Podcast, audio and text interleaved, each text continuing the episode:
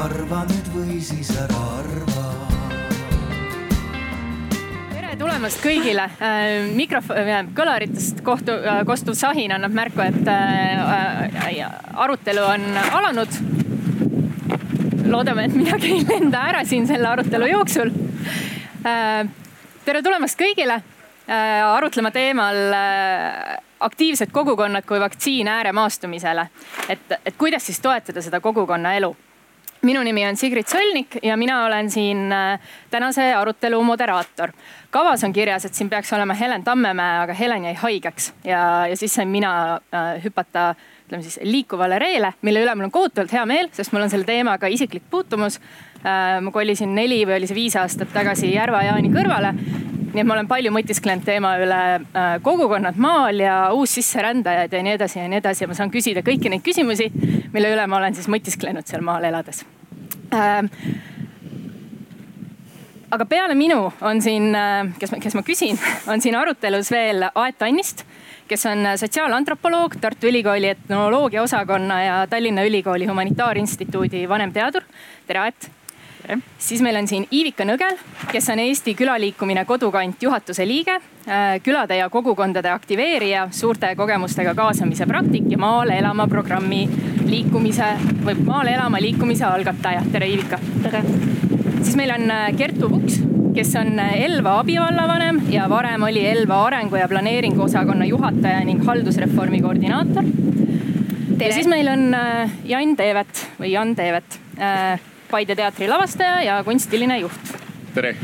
ja, ja selles mõttes see on ka väga huvitav, et et kui me räägime siin ääremaastumisest ja maakogukondadest, et siin see ka see filosoofiline küsimus, et kas Paide ja Elva on maakohad mille, mille üle ma kujutan ette, et on ka varem arutletud.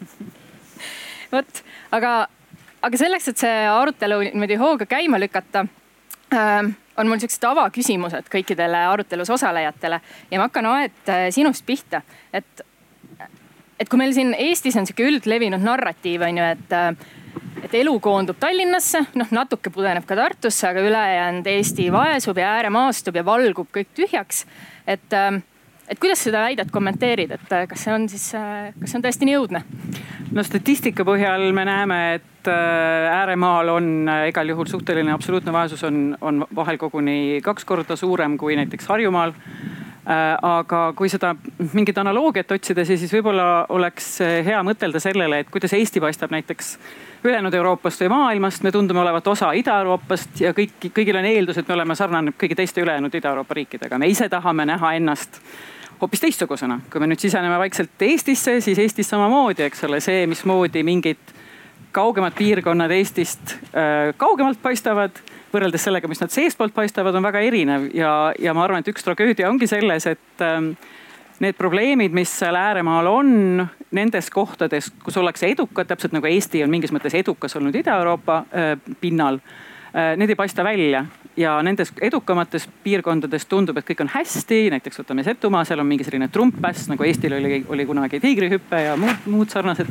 nähtused ja seal äh, tundub olevat kõik väga hästi ja tundub, et kõik need meetmed, mida näiteks äh, on kasutatud nagu, nagu seto äh, kultuuri alalhoidmine, mis on väga väärtuslik ja oluline. aga ühtlasi selle tõttu, et seal on see trumppäss, jääb see, mis ähm, väga paljudele teistele inimestele on, on ikkagi probleemne ja keeruline ja üha keerulisemaks minev elu, see jääb nähtamatuks ja isegi nähtamatu maks, kui ta muidu oleks, muidu oleks olnud. see oleks minu kommentaar selle kohta mm. -hmm. aitäh.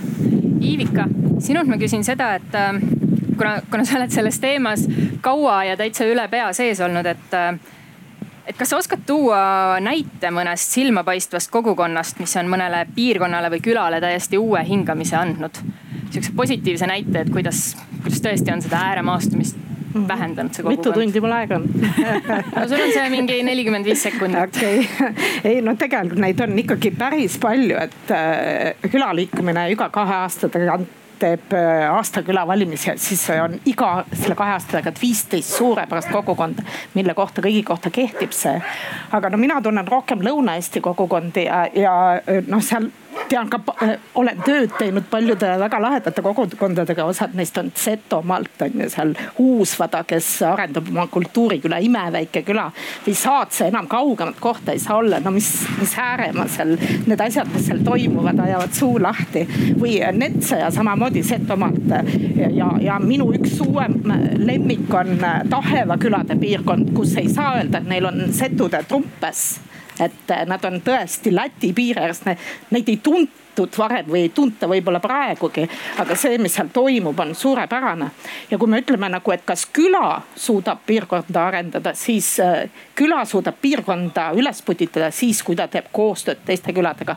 et see üksi, sa saad enda külas seista, aga kui sa tahad kogu piirkonna arengut, siis peab olema midagi, mis seob neid külasid mm. -hmm. aitäh äh,. Kertu äh,. sina oled siin äh, noh, natuke sihuke KOV-i esindaja ka on ju milline on sinu nägemus kogukonna ja KOV-i omavahelisest sihukesest ideaalsest koostööst? et, äh, et mis, mis sinu kogemusel toim-, toimib hästi ja, ja kus need käärid tavaliselt tekivad? ma arvan, et see ideaalne koostöö põhineb omavahelisel usaldusel ja sellel, et kohalik omavalitsus vaatab kogukonda kui partnerit ja seda ka vastupidi.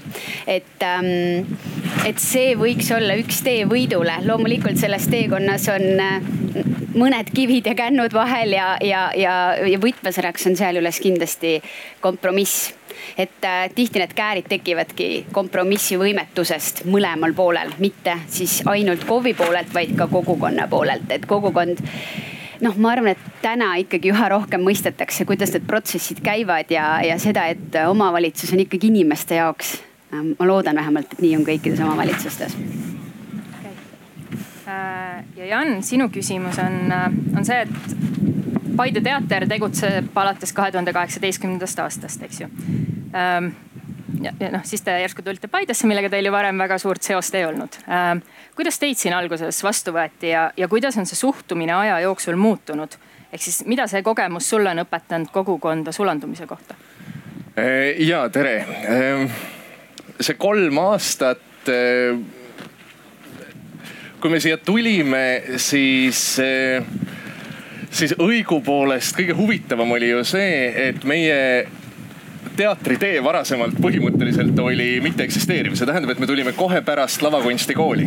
kui siia oleks tulnud eh, inimesed, kui siia oleks tulnud Elmo Nüganen oma paari parema sõbraga, siis see ootushorisont või vähemalt teatrikeeles me räägime ootushorisondist, mis oleks loodud sel hetkel, kui öeldakse, et kas Elmo Nüganen või Vana Baskin tuleb eh, Paidesse, oleks olnud ju totaalne, inimesed teavad, mida oodata.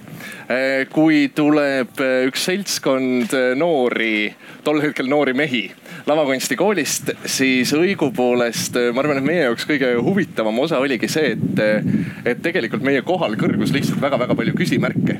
et me astusime tegelikult ühtepidi me ise astusime tundmatusse, sellepärast et me kõik tõesti enne teatri loomist Paidesse olime siin käinud korra, kaks või kolm. aga teistpidi ka me ise olime mingi suur tundmatu või küsimärk, mis siia, mis siia saabus.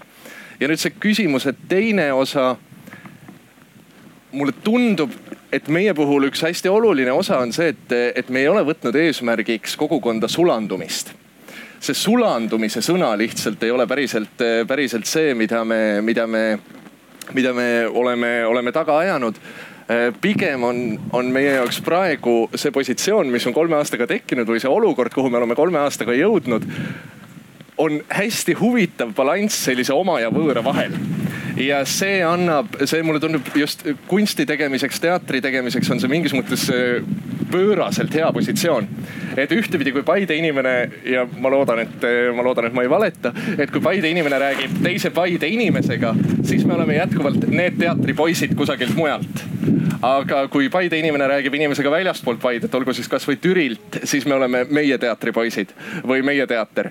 et ühesõnaga just nimelt see oma ja võõra vaheline, vaheline seis on kohutavalt huvitav okei okay. ähm kui, ähm, kui vaadata neid äh, ka näiteks Eesti inimarengu aruande tulevikustsenaariumeid näiteks aastast kakskümmend kakskümmend, siis ähm, seal see üks stsenaarium on isemajandav Eesti, kus äh, siis luuakse pilt riigist, mis ähm, on nagu uus kogukondlik, kus on uus kogukondlik eluviis on ju, et seal on kaugtöö võimalused, suur osa eestlasi elab maal koostöine suhtlus valitsejate ja elanike vahel, noh, kõik on maru hästi, on ju. et, et maal on nagu tore ja nunnu elada ja inimesed tahavad sinna minna äh, ja siis minu jaoks siin on nagu huvitav see mõte sellest uu, äh, uuskogukonnast on ju, et see eeldab, et linnast tuleb hulk inimesi, kes, kes enne ei ole seal kohas elanud ähm,. kui me nüüd siin stereotüüpe loome, siis kuidas teile tundub, et, äh, et mille poolest erinevad äh, maapiirkondade põliselanikud ja siuksed uusmaakad teineteisest, et kas seal on nagu võimalik, et kui sa lähed Coopi poodi, et kas sa saad nagu aru, kes on mitmendat põlve nagu kohalik ja kes on eelmine talv kolinud? Iivika no kui mina lähen Coopi poodi, siis on juba, ma olen kohalik, et ma enam ei viitsi eriti korralikult riidesse panna ja huuli värvida ja nii edasi. aga kui noh, ega kõik need kohalikud on ju ka väga erinevad, samamoodi tulijad on väga erinevad, aga kui mingit mustrit äh, otsides kõik on väga tinglik, siis muidugi, mida mina olen tajunud, sest ma olen ka tulnud küll kakskümmend üks aastat tagasi, aga ikkagi tulnud Tallinnast maale, siis kohalikel on rohkem hirme. Neil on selja taga mingisugused seosed ja neid on kerge mõjutada nii nende hinnanguid on kerge mõjutada ja tegelikult neid on ka reaalselt kerge mõjutada negatiivses mõttes, et äh, mida sina siin räägid, vaata, kes su isa oli või millised su lapsed on või midagi sellist. kui tulevad uued inimesed, nad võivad olla oluliselt julgemad, neil ei ole neid, neid köitvaid seoseid, mis panevad neid äh, mingit millegi üle hirmu tundma ja seda, see on ka see põhjus, miks paljud uued tulijad algatavad uusi asju, sest neil on see vabadus, et äh, nad tulevad uude keskkonda, nad saavad teha midagi ja nad ei karda kriitikat või isegi noh, nendel tundub see koomiline, et noh, et keegi midagi arvab või mingi kuulujutt või mida iganes. aga see loomulikult eeldab tugevamat isiksust ja, ja siis kohapeal on ka neid, kes ei karda ussi ega püssirohtu. aga noh, samal, samal ajal osalt ongi probleem selles, et kuigi võib-olla koha, nendel uutel tulijatel ei ole neid kohalikke niisugusi hirme ja muresid ja, ja, ja koormaid, on neil sageli ettekujutus nendest kohalikest mis mm. võib olla juba täpselt eelarvamus, mis võib olla värvitud mingisugustest ühiskonnas olemasolevatest negatiivsetest kuvanditest. mida ma arvan, et me osalt üritame siin ka natuke lammutada mis mulle võib-olla veel tundub, on, on just nimelt see erinevus äh, ootustele, mis kogukonnale või sellele ühele paigale pannakse ähm, ideaal või unistus selle, selle koha arengust võib, võib üsna, üsna kardinaalselt erineda. see inimene kes on nii-öelda siis see uusasunik või, või uustulnuk tema arusaam linnulaulust, vaikusest ja tolmusest külatänavast mitte alati, aga, aga ühtepidi noh, siin tõmmates laia pintsliga võib olla üsna romantiline ja, ja tema arusaamatus sellest, et, et miks õigupoolest noh, siin Paide näitel näiteks väike linn soovib endale kaubanduskeskust H ja M-iga. et, et noh, see üks, ühe inimese kogemus ja teise inimese kogemus, see mida kohalik elanik, eh, siin eluaeg elanud inimene tegelikult soovib, ta soovib sedasama elukvaliteeti, eks ole. ja tema näeb seda elukvaliteeti, elukvaliteedi markereid kusagil mujal kui see, kes on siia vast tulnud eh, noh metropolist, Tallinnast, Pärnust, kust tahes, eks ole jah, tõenäoliselt see metsa elama talusse koliv inimene tuligi sinna sellepärast, et see on nii teistmoodi kui linn ja ta ei oota, et tal oleks asfalttee seal ühel hetkel on ju, või mingeid selliseid ootuseid ja. ma olen ka Ivikaga täitsa nõus, et need inimesed, kes on uued kogukonnas, nad pigem ikkagi toovad sellist julgust ja värsket verd ja inspiratsiooni ka nendele teistele ja, ja noh. enamasti neil on isegi võimalus olla üle nendest kohalikest endistest võib-olla kogukonna liidritest, kes võib-olla noh, mingil hetkel vajavadki seda väljastpoolt tulevat inspiratsiooni juurde, et kõik koos edasi minna. ja eks see annab äh, siin ka just see väljastpoolt tulija pilk, ehk see annab ka kinnitust, et tegelikult siin on asju, mis juba on hästi no see on seesama asi, et ega me ju ise ei märka seda head, kui keegi meile ütleb, et kuule, te teete jumala ägedat asja, siis mõtled, ma ei tea, et mul tavaline ju, et noh, ei olegi midagi erilist.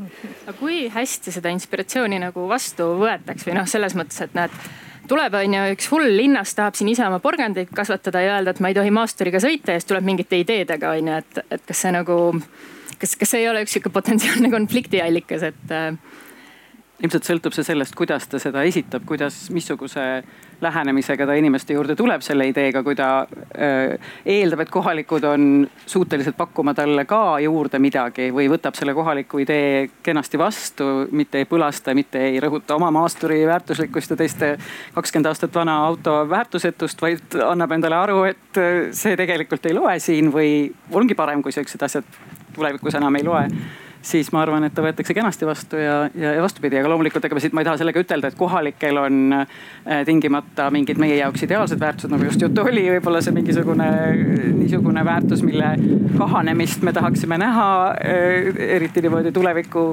tuulte ja, ja tormide käes, mis, mis ilmselt nõuavad meilt mingisuguste väärtuste ümber, ümbermõtlemist ja kohapeal võib see olla juba mingil kujul olemas olnud kogu aeg. mingi selline optimaalne elu, mida me nimetame põlastavalt vaesuseks. minagi alustasin vaesusest kui, kui millestki, mis näitab seda, et, kohalik elu ei ole nii, nii roosiline kui mujal. aga et seal peitub ka tegelikult potentsiaal, kui me mõtleme teistmoodi materiaalsetest väärtustest kui varem. kohal, kohapeal võib see juba olemas olla. küsimus on ehk ka selles, et, et kuidas anda aega sellele huvile tekkida et seda huvi mitte peale suruda. Äh, ma lihtsalt toon ühe näite oma valdkonnast ehk äh, mul on üks hea tuttav, kes on pärit äh, Lääne-Belgiast. Flandria läänepoolsest osast külast, kus elab circa nelikümmend inimest. tema enda isa kasvatab tuvisid ja lennutab neid ja, ja aga see hea tuttav ise on kaasaegne kunstnik. ja ühel hetkel hakkas ta selles oma külas korraldama kaasaegse kunstifestivali mille raames eh, üle aasta kolmeks nädalaks eh, majutatakse kõikidesse selle küla perekondadesse üks kaasaegne kunstnik. Nende perekondade ülesanne ei ole justkui miski muu, kui pakkuda talle peavarju. aga siis needsamad kunstnikud loovad kolme nädala jooksul sinna külla ühe installatsiooni, performance'i, skulptuuri, mille tahes ja tema kogemus või just nimelt selle festivali kogemus on see, et ühel hetkel see farmerist eh, pereisa hakkab tundma huvi selle suhtes, et miks tema maisipõllu äärde kerkib roosa peenis ja kas ta saab tegelikult sellele kaasa aidata. andke andeks, markantne näide, aga, aga see näide on reaalne. et, eh, et ja selles selles protsessis osalemine algul just nimelt see, et mu kohustused on väga väikesed ma saangi aidata kõige primaarsemate asjadega, toidu ja peavarjuga. aga see huvi ja see kontakt, mis seal saab tekkida, see kahe justkui keele konteksti kokkusaamine, sellest võib sündida midagi väga-väga huvitavat ja nüüd eh, pärast kuut aastat eh, see küla ootab eh, järjest hullemaid kunstnikke ja põhimõtteliselt need perekonnad võistlevad selle nimel, et kes saab kõige hullemate toiduerisuste ja, ja crazy mate ideedega inimese endale okay.. aga ikkagi tulles, äh, kui sul on soov kogukonnaga üldse suhestuda ja hästi läbi saada, kui see soov on, sest kõigil ei ole ja mõned tahavad ka ennast ära peita, siis äh, jälgi ikka aasta-paar, äh, mis, kuidas seal ollakse, kes seal elavad ja kuidas nad mõtlevad, enne kui sa hakkad nagu suuri asju tegema, et see, see on nagu mõistlik mm. -hmm. see on, ma jätan selle mõtte meelde ja tulen selle juurde tagasi, aga ma enne tahtsin küsida, et sihukest laiema küsimuse, et, et mil, et noh, me rääkisime siin uutest ja vanadest ja siis minu minu küsimus on, et aga millal sa siis saad omaks, et äh, noh, mina olen ka on ju Tartu Ülikoolis õppinud etnoloogiat, kus oli siis selline aine nagu Eesti rahvakultuur. Ähm, kus äh, muuhulgas mul on meelde jäänud ähm, väide või isegi fakt, et, et noh, et vanasti inimesed ei abiellunud väga oma kihelkonnast välja, onju. aga juhul, kui abielluti, siis naine kuni surmani kandis oma kodukihelkonna rahvariideid, kirstu ka läks nendega, onju. et ta ei saanud oma selle uue kihelkonna seelikut enam sel- või ei saanud seda selga panna. et, ähm, et, et, et kus, kuidas teile tundub, et kui, kui nagu, et millal sa siis oled oma või, või mis siis teeb omaks? Ühesõnaga, et keegi teine ei saagi vastata sina pead vastama ilmselt onju. no tegelikult no minul on ka see küsimus olnud, et aeg-ajalt keegi ütleb, et ma olen võõras võib-olla oma või, või. siis ma mõtlen, aga mis tähtsus sellel on, kas keegi mõtleb, ma olen oma, et ma olen oma ju siis, kui mul on inimesi, kes on minu omad ja kes peavad mind omaks. et see, kui palju nii mõtlevad, sellel ei ole ühelt poolt tähtsust. teiselt poolt äh, ma olen kakskümmend üks aastat elanud seal ja nii palju tulnud inimesi, kes ei tea, et ma olen tulnud, kes arvavadki, ma olen alati seal olnud, nii et, et see on üsna suhteline. minu jaoks ei oma mitte mingit tähtsust, kas ma olen oma või mitte, ma olen iseennast omaks võtnud, ma olen kogukonna omaks võtnud. mind on osa inimesi omaks võtnud, piisab, rohkem pole vaja. ja ilmselt on alati kuni lõpuni on inimesi, kes arvavad, et kui sul ei ole neli põlve vanavanemaid kalmistule maetud sinna, et siis see ikka. mul on kaheksakümnendatest naabrinaine, kes oli noore neiuna sinna tulnud ja tema arvab, et ta ei ole kohalik aga kas ei ole pigem nii, et see oma ja võõra piir äkki tõmmatakse mingite muude nähtuste tõttu või nende kaudu, et noh, seesama näiteks Setomaa jälle rõhutan väga, et mulle, mulle meeldib, et Seto, Setosid on toetatud, teisest küljest nende Setomaa erinevate mm, rahastusskeemidega on loodud eristus setode ja mittesetode vahel, nende vahel, kes on setod ja kes ei ole väga huvitatud seto kultuuriga tegelemisest, kelle elu on kusagil mujal ja no see oleks umbes nagu Tallinnas nõuda, et kõik tallinlased peavad tahtma äh, kuulata keskaegset muusikat ja, ja kõndima ringi keskaegsetes riietes, et samamoodi mitte kõik Setomaal ei pea tahtma olla huvitatud mm. seto kultuurist, aga et kui toetatakse teadlikult ja, ja selline üldine huvi ja entusiasm läheb nagu ainult ühte osasse kogukonnast, siis tekib see piir ja siis on omad on, on, on mitte omad ja need, kes siis tunnevad, et see on, et see on ilmaasjata või, või võib-olla lihtsalt liiga palju raha saanud, suhtuvad sellesse kui setotamisse natuke põlastaval viisil seda nähes mm. -hmm ma ei oska midagi rohkem öelda. ei peagi, äh, ma arvan, et see oli äh, aga okei okay., aga millised nagu teie, noh, Jan näiteks sina on ju, et äh, ilmselt oled ka elu lõpuni need, need teatripoisid, kes tulid aga kuidas sulle tundub, et millised need sisenemispunktid on äh, kogukonda, et noh, mulle tundub, et kui lapse saad ja lasteaeda paned, et see on sihuke hea kindel viis on ju seal kohalikus kogukonnas mingeid nagu suhteid luua. aga, aga noh, näiteks siin Paide näitel, et vaata, me oleme ju selles mõttes üsna, üsna jabur näide ja ei allu mingis mõttes ühelegi klassikalisele ehk, eks ole, diskursusele ehk sellepärast, et meie ei tulnud siia peredega eh, elama, vaid meie tulime siia ikkagi töötama ja meie jaoks noh, kogu see Paides noh, et meie, see otsus sai üsna kähku tehtud, et eh, sel, sellise teatri tegemine nagu meie meelest kahekümne esimesel sajandil väikelinnas, kogukonnas on vajalik, ei ole võimalik nii, et me sõidame igal hommikul Tallinnast siia. aga me tulime grupiga. ja see, just nimelt seesama Teatripoisid. Selles on mingi väga kindel grupi määratlus. Paide Muusika- ja Teatrimaja asub Selveri kõrval. see tähendab, et see, et me käime kolm korda päevas Selveris, tekitab meist nagu esimese pildi et, et ühtepidi noh, just nimelt see grupiga tuleku, tuleku erinevus on nähtavasti siin, et, et mingis mõttes see paneb ka selle piiri, et meid nähakse jätkuvalt selle grupina, mis on kogukonna sees. Aga teistpidi noh, need võimalused, võimalused selle kogukonnaga suhestumiseks mulle ikkagi tundub, et, et noh, ühtepidi ongi seal vaja aega ja, ja see kolm, kolmas aasta siin just mingis mõttes on avanud mingeid täiesti uusi uksi. ja teistpidi ähm, ka üks meie, meie viimaseid projekte äh, me tegime ühe lavastuse, mille pealkiri oli Paide sümfoonia, kus oli laval viisteist Paide inimest äh, vanuses seitseteist kuni kaheksakümmend seitse ja, ja selle lavastuse loomiseks me tegime nende inimestega intervjuusid ja, ja lõpuks me asetasime need inimesed sinna kaasaegse etenduskunsti konteksti ja nad tõesti tegid selle pooleteisttunnise lavastuse ära ja mängivad seda veel. aga see võimalus eh, kuulda nende inimeste lugusid ja saada osa selle geograafilise punkti ajalisest teljest ja saada sellest osa mingite väga isiklike kogemustega, mitte linnagiidi eh, jutust selles on midagi, midagi kohutavalt, kohutavalt noh olulist. et, et noh, just, just jõuda selleni, et, et sul on kellegi isiklikud mälestused, mille pealt sa saad seda linna vaadata kuidagi teisiti mm. ja noh, mulle ikkagi tundub, et üks hästi oluline moment on see, et millal esimene kohalik sulle oma kodu ukse avab et mis hetkeni saad sina äh, esitada küllakutseid, olgu teatrisse või, või kohvikusse või kuhu tahes, eks ole, et noh, meil just on ju see etendusele kutsumise perspektiiv. aga teistpidi, et mis hetkel hakkavad need uksed avanema ja mis seal selgub. ja, ja meie, meil tuleb tunnistada nüüd, nüüd kuskil kahe poole aasta pealt hakkasid need uksed avanema mm. -hmm. mul on äh Kertu, sul üks Elva spetsiifiline või noh, natuke sihuke suvituspiirkonna spetsiifiline küsimus, et kui muidu on nagu see, et on uued ja vanad ja siis noh, seal on ju veel need suvitajad ka on ju, kes on seal kuskil äh, vahepeal ja hägustavad seda vett on ju. no mujal on ka rohkem kui uued ja vanad, aga, aga ikkagi, et äh, et kas seal on selle kogukonna loomise juures mingid nagu äh, erisused või mingid asjad, mis sulle tundub pigem seda profiili, sellise profiiliga kogukondi iseloomustavad? Ma võib-olla kõigepealt äh, selgituseks ütlen, et äh, meie vaatame Elvat mitte ainult Elva linnana, vaid Elva vallana, äh, kus on palju erinevaid kogukondi ja, ja selle kuurorti kogukonna viide, ma saan aru, viitab rohkem siis sellele linnalisele asustusosale.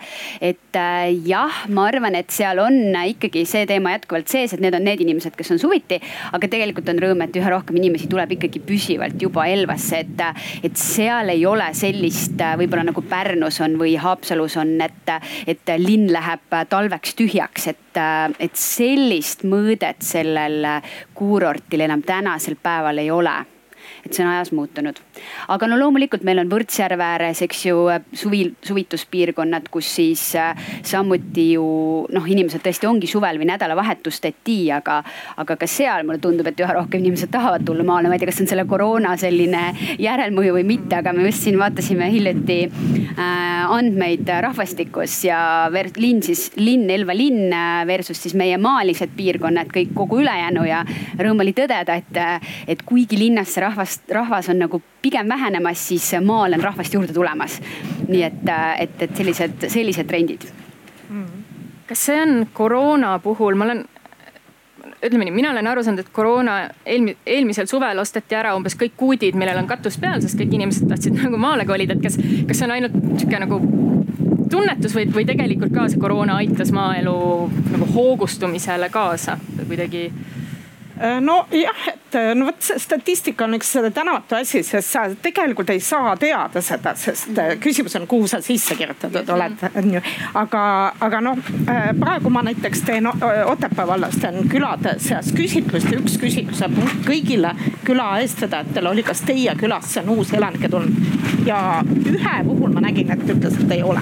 Ja noh, konkreetne näide on see, et üks lasteaiarühm on avatud juurde. järelikult on tulnud, et et ähm, võib juhtuda, et osa liigub hiljem tagasi, aga see on ka loomulik, et ma selle koha pealt ma alati mõtlen, et on üks seltskond tulijaid, kelle puhul võiks hakata punane lambike kohe põlema, on see, kes on liiga vaimustunud maaelust mm et kui, kui nad ainult sellest räägivad, kui lahe see on, siis aasta pärast juhtub midagi ja siis nad on läinud. et, et sinna ikka sobivad inimesed, kes on kahe jalaga maa peal kuskil. et neil on mingi illusioon sellest ja, maaelust on ju. ja räägid, kui tore seal on ja siis tuleb esimene tagasilöök ja siis tuleb teine ja siis on nad läinud aga kas, kas see ka ei ole nii, et meil väga sageli räägitakse nendest edulugudest, et oo kui mõnus on siin Setumaal viie tunni kaugusel ülejäänud tsivilisatsioonist, aga, aga vähem nagu nendest, kes lähevadki linna tagasi, sest nad ei saa mingil põhjusel hakkama. ja võiks, võiks rääkida küll, aga väga paljud, kes linna tagasi lähevad, ütlevad, et see oli ikkagi väga äh, lahe kogemus, nad tahaksid ikkagi ühel päeval tagasi tulla, et lihtsalt asjad ei klappinud, et ma, me, me oleme otsinud neid äh, negatiivsete lugude rääkijaid samasuguste paneelide jaoks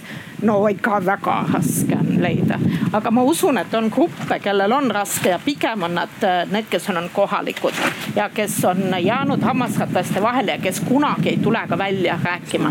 ja seetõttu see muudab neid nähtavaks, aga need, kes tulevad, nende seast on üsna raske leida neid, kes räägiks tõeliselt negatiivset lugu et see on see seltskond, kes on maal sellepärast, et nad sunnitud seal olema, et ja, neil ei ole võimalik mujal. Neil ei ole valikuid. Neil ei ole valikuid jah. ja nende hulgas on päris palju kohalikke, kellele oleks, oleks hea tegelikult anda toetust, et nad saaksid maalt lahkuda, et võib-olla mingid, ühesõnaga see on sihuke valitluse puudus. jah, et saaks lahkuda, et majad jäävad. sest praegu ju enam ei, ei leita kohti, kuhu minna, et see on üks ja, suur probleem, et aga et see hääle puudumise teema on hästi-hästi oluline, et tõesti, et sellised lood ei tule välja, inimestel on noh, see tundub neile olevat nagu nende enda häbi, kui nad ei ole hakkama saanud, täpselt samamoodi nagu, nagu äh, kuskil kaugemal näiteks väli, välismaale läinud, tuleb, kes tulevad tagasi, tunnevad, et äh, tagasi tulemine võib olla kuidagi negatiivse sellise imagoga ja selle tõttu nad ei taha oma kogemust tingimata jagada. ja selles mõttes on hästi vahva see, mida te teatriga teete, et te otsite inimesi nagu ise ka ülesse ja püüate neid veenda, et, et nad oma häälega julgeksid nagu äh, lavale astuda ja, ja, ja toetate neid selles.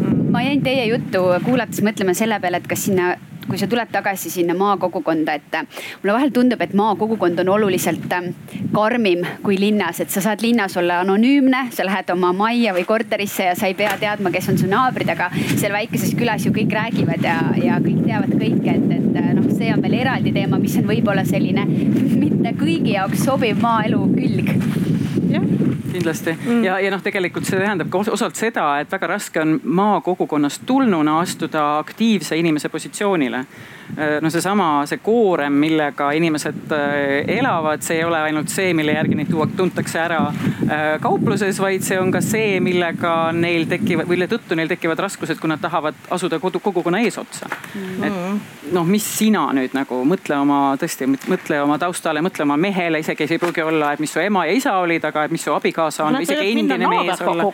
seal ja, olla tähed tegelikult. aga noh, see on võib-olla ka väga keeruline. maale liikumist muidu on ka päris mm, palju. aga et seda võib-olla isegi peaks olema miski miski, mida nagu julgustada või millele tähelepanu pöörata ja mida pakkuda välja kui võimalust, sest no teine, teine kogukond saab ka tegelikult, Eesti on ikka väike koht, on ju. keegi niikuinii kedagi tunneb, et selles mõttes on, on see päris keeruline otsus, aga, aga miks ka mitte, kui keegi on väga aga noh, kui ma nüüd jätan korraks oma selle teatri, teatri positsiooni kõrvale siis see koht, kus ma päriselt ise pärit olen, on Orissaare, mis on Saaremaa idaosas. ja, ja seal on viimastel aastatel ehk viimase viie aasta jooksul umbes tekkinud äh, mingi päris huvitav äh, fenomen, et äh, seoses ühe festivali loomisega, mille nimi on Island Sound on sinna naasnud üks päris suur hulk kohalikke noori, minust paar aastat vanemad, circa sellised kolmekümnendate alguses.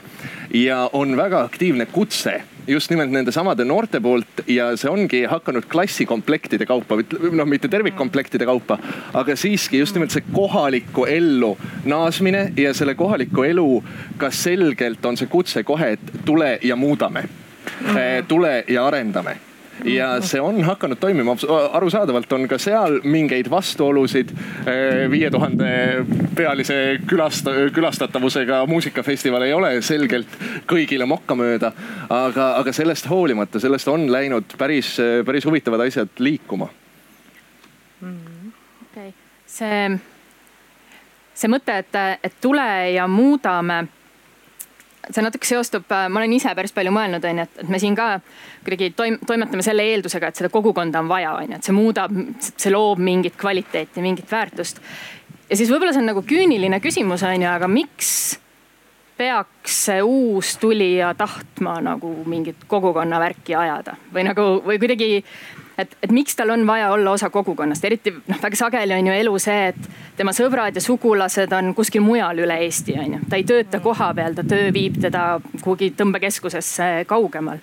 et ähm, et tema identiteedi on ju moodustavad võib-olla mingid muud asjad, et äh, kas see on ka okei okay,, kui ma ei taha olla osa kogukonnast? absoluutselt, kogukonna arendamise üks äh, põhiline klausel on, et sa ei saa süüdistada inimesi selles, kui nad ei, kui nad ei soovi osaleda, et äh, muidu sa põhimõtteliselt kaotad oma liidri rolli väga kiiresti.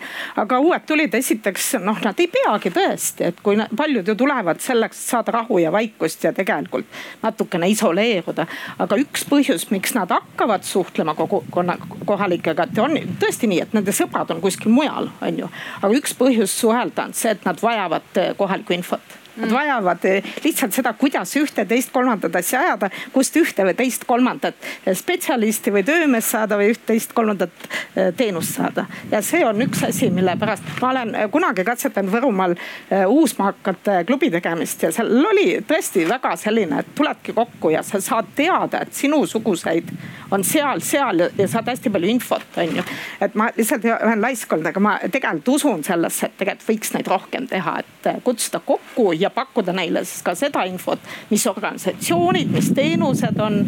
ja, ja, ja peale selle nemad saavad omavahel suhelda, neil on kõigil üks lugu natuke ja see oleks päris hea sihuke kaasamise nõks ja, ja ma arvan, et äh, alguses piisab ju ka sellest, et äh, ma ei tea, sul Ivika Vidrikel tulebki, keegi räägib sulle oma asjast ja see ongi juba tegelikult osaks kogukonnas olemisest, et äh, see info on vahetatud ja sa juba oled selle inimesega suhtluse loonud, et.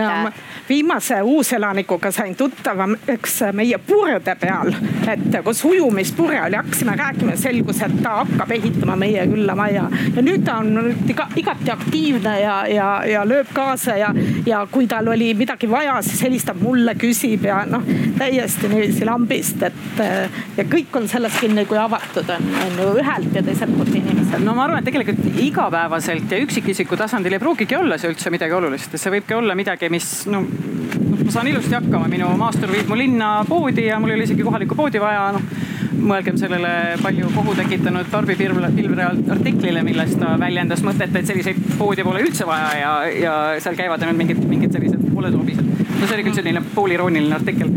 Aga et miks on, kui seda natuke mingile kõrgemale tasandile või, või sellisele ühiskonna tasandile minna, et miks on vaja kaas, kaasamist, miks on vaja olla selline ühiskond, kus erinevad osapooled on, kõik tunnevad, et nad sellesse kuuluvad, on see, et kui sa osa inimesi kõrvale jätad, siis need, kes kõrvale jätad, kes, kes on kõrvale jäetud või tunnevad ennast kehvasti nendes olukordades mingil hetkel hakkavad vastu töötama.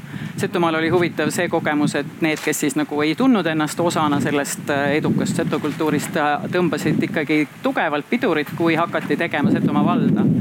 ja need protsendid, mida, mis siis ei pooldanud, need käid, käid küll lõpuks äh, noh mitte väikseks, aga, aga ebapiisavaks, et sellele nagu päris, päris nagu joon peale tõmmata. aga igal juhul selle perioodi jooksul oli väga palju pahameelt, oli väga palju äh, sellist äh, paksu verd ja, ja noh, igal juhul oli see, kui sul ikkagi kolmkümmend protsenti elanikkonnast leiab, et, äh, et midagi on selles probleemset teie sellises ühises toredas vallas, siis tuleks ikkagi mõtelda, et kuidas sellele kolmekümnele protsendile ka pakkuda viise, kuidas nad tunneksid mingit osadust ja noh, see võib-olla oli nagu väike ja kohalik näide, aga ka riigi tasandil, ühiskonna tasandil inimesed, keda sa ei seo ei ole sinuga koos seda riiki arendamas või seda ühiskonda seda, nagu. seda võib laiendada terve maailma peale tegelikult. täiesti. see on igal pool kehtib. just nii, noh kasvõi seda, kui me praegu vaatame globaalselt piirkondi, mis, mis sudivad nagu omasoodu ja ei, ei ürita koos teistega tegutseda mingite ühiste probleemide nimel või ei saa seda teha, sest et nad on liigses vaesuses jälle globaalsetel põhjustel ja, ja mingite teiste piirkondade põhjustel, siis on täpselt sama nähtus täpselt. okei okay. um ma tegelikult kõigepealt avan, äh, küsin publiku käest, kas äh, teil kuulajatel on mingeid kommentaare või mõtteid siin tekkinud vahepeal, enne kui me lähme edasi? kas kogukonnale uue asja tegemise idee peab andma kohalik või võib olla see ka võõras uh...? ja ei, no võib-olla kohalik, võib-olla võõras, võib-olla isegi võõra äh, nagu idee. võõral on kergem seda teha kui, kui omal. et täiesti uuenduslikku ideed anda. küsimus on, kuidas teda, seda teda teeb, et, et kas ta müüb oma ideed nagu sihukese poolvägisi, üritab ikka nagu argumenteerida, see on hea idee või ta kuulab, et kuidas see haakub kohalike mõtetega. et seal on küsimus, kuidas seda teha. Äh, muidu ma isegi arvan, et väljastpoolt tulnul on mingis mõttes lihtsam või siis kohalikul, kes on ära käinud, on lihtsam tulla uue ideega laheda, lagedale, et kuidas ma siis üks päev hakkan kõike teistmoodi tegema. see, see isegi mina ei tee seda, et ma teen midagi väga uut oma kogukonnas, tavaliselt mujal no meil on näiteks hea näide just see, et kus ei loe, kas sa oled kohalik või mitte, kaasav eelarve, igaüks saab ideele ettepaneku ju esitada ja, ja, ja loomulikult on oluline, et kuidas sa selle maha müüd ja teine asi on, et kas see tegelikult on asi, mis kogukonda kõnetab. ja noh, kaasavas eelarves sa saad väga selgelt selle teadagi sellega, et kas inimesed hääletavad selle poolt või mitte. et ma arvan, et siin ei ole vahet, head ideed on alati oodatud ja kui see juhuslikult nagu kedagi otseselt ei riiva. et äh, ma arvan, et äh, see on väga äge. kõik teha jah head ideed, aga valest suust võivad teinekord jääda muidugi kõrvale selle tõttu, et selles ühiskonnal, kogukonnal on probleem ja selles mõttes see tuleb. kavalus, et lase oma idee öelda kellelegi teisele. just täpselt, et noh, et leida see, olla, olla see kael ja leida see pea, kes selle siis mm. oma suu kaudu välja ütleb, nii et ma arvan, et seal on jah nagu kavalust vaja. ja samas noh, eks seal on ju kõigi nende uute ideedega, et, et need idee vastuvõtu vastuvõtukoodid võivad kohutavalt erinevad olla. see, seal võib minna väga kaua aega selleks, et murduks kood, et no tee, tee, küll me vaatame, mis välja tuleb või et kui õnnestub, siis küll me liitume. niikuinii läheb pekki vaata.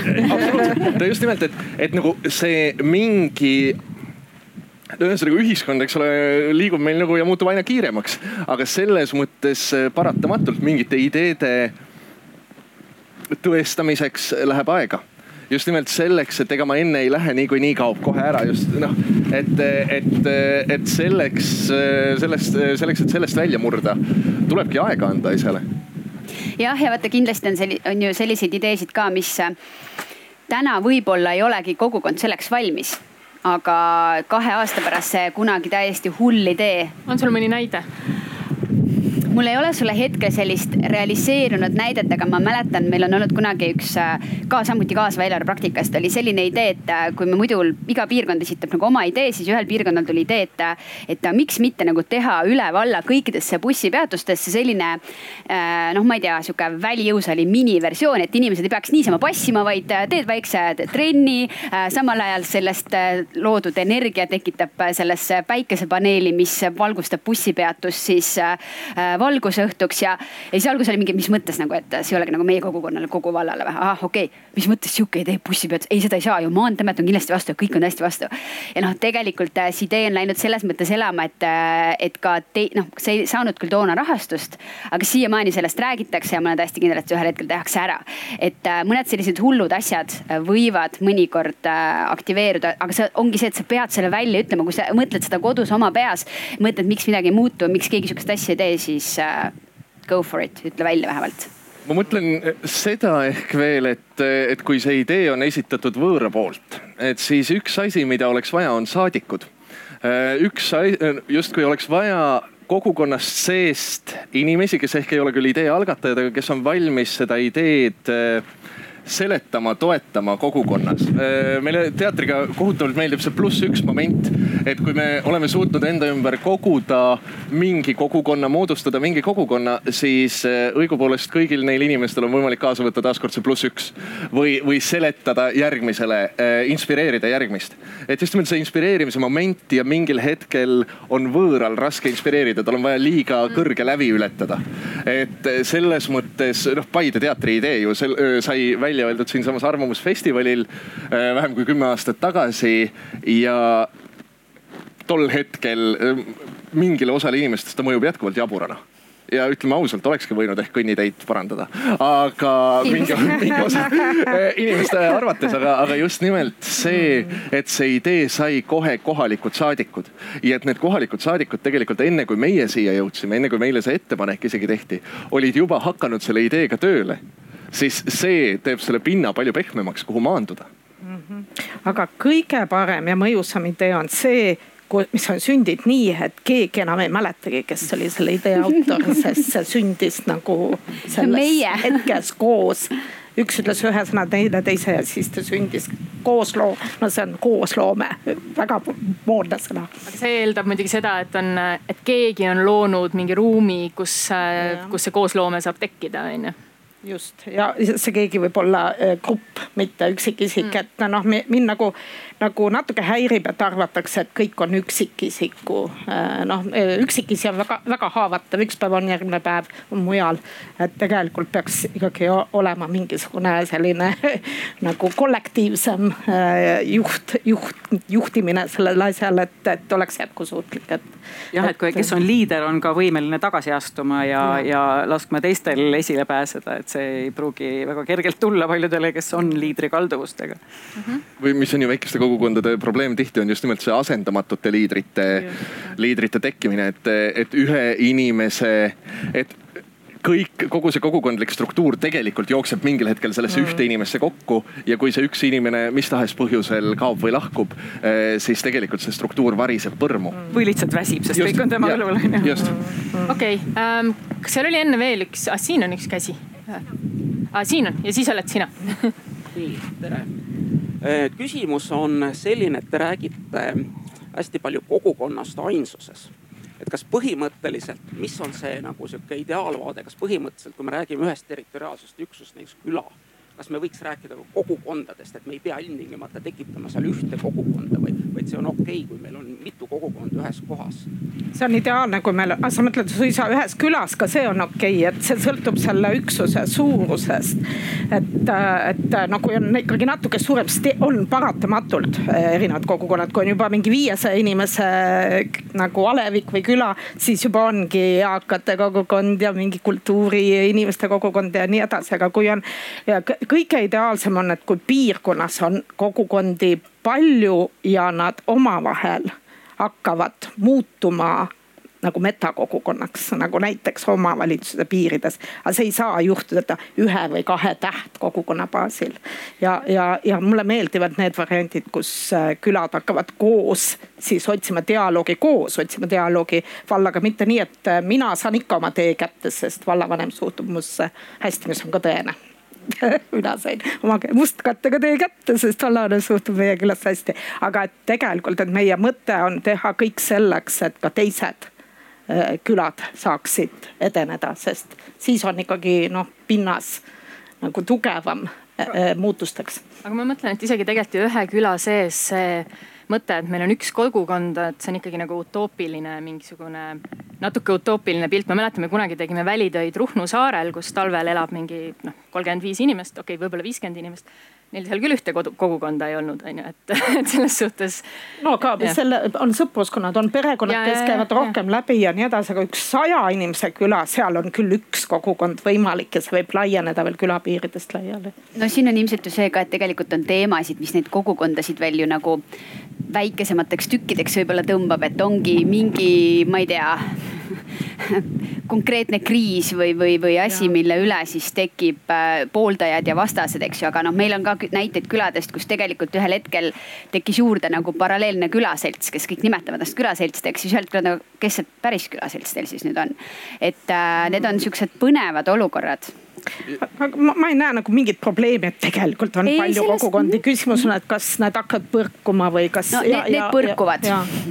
Need põrkuvad, aga ei pea. ei pea, ei pea. inimesed läbi saavad, siis ei pea no võib-olla tulebki eristada ikkagi lihtsalt territoriaalset kogukondi mingite ideede või muude -hmm. väärtuste tasandil koonduvatest -hmm. gruppidest, mida võib ka kogukonnaks nimetada, aga mis siis liiguvad nagu hoopis teisel, hoopis teisel viisil. probleem on natuke selles, et me kipume seda territoriaalset äh, üksust nägema kogukonnaga, kuigi selle sees on siis kõik need erinevad ideelised või, või siis hoopis mingitest elustiili või võimaluste äh, baasilt tekkivad äh, grupeeringud, mis siis võivad ka moodustada kogukonna ja järelikult olla suutelised ehk kuidagi nagu edasi liikuma või ennast sõnastama, aga see ei pruugi tekkida. ja kõik, kes tahavad sel teemal edasi mõelda, kell kaheksateist null null algab siin kusagil arutelu teemal, millest me räägime, kui me räägime kogukondadest. aga sa küsid vastust ka sellele küsimusele, mis on esitatud, et kas on vaktsiin ikka me sinna veel jõuame nii, siin oli veel küsimus. see peaks olema, räägi lihtsalt hästi. ei ole sees. ei ole sees nüüd on sees? ahah, võib-olla Aet Annistile küsimus või selline antropoloogiline, et kas on uuritud ka Eesti kontekstis, et kes on see linnast maale minev inimene, et mis, mis tüüpi? paraku ei tea küll, et oleks keegi ja see on midagi väga väärtuslikku ja olulist. on niisuguseid katseid tehtud, et, et uurida, kuidas need siis, kuidas neil siis nagu läheb, kui nad sinna maale jõuavad ja eks see kipub tihti olema äh, keeruline ja, ja ei noh, nagu tuntakse maale jõudes need, need niisugused grupid, mis seal siis nagu püüavad midagi luua mingisuguste elustiili kogukondade nagu kujunemisega mingis piirkonnas, mis on väga ilus või mis iganes.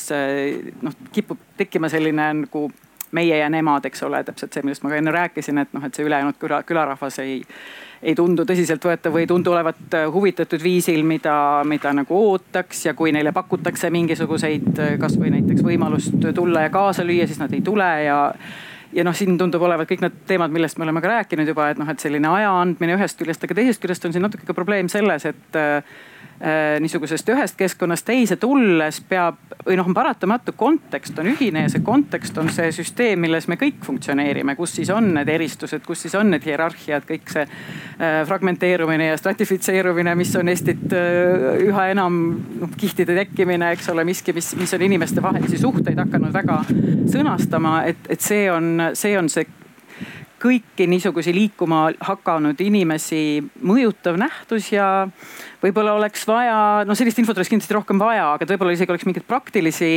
ähm, ma ei tea, infovoldikuid vaja umbes inimestele, kes kuhugi lähevad, mingeid koolitusi, et kui nad kuhugi lähevad, millega nad peavad arvestama. kuidas leida need viisid ja noh, Ivika, sina mingis mõttes nagu ju tegelikult sellega tegeled küll, küll pigem võib-olla konkreetselt juba, kui keegi sind kutsub, et mitte nagu ennetavalt, et kui keegi kuhugi no jah, läheb. Neid käsiraamatuid on väga keeruline teha, sest need situatsioonid on erinevad, aga, aga uuringuid võiks sellel teemal küll olla palju-palju enam, et noh, nagu puudub organisatsioon, kes võtaks selle teema sügavuti alati uurimise nagu enda noh, külaliikmena võiks olla, aga meil ei ole raha.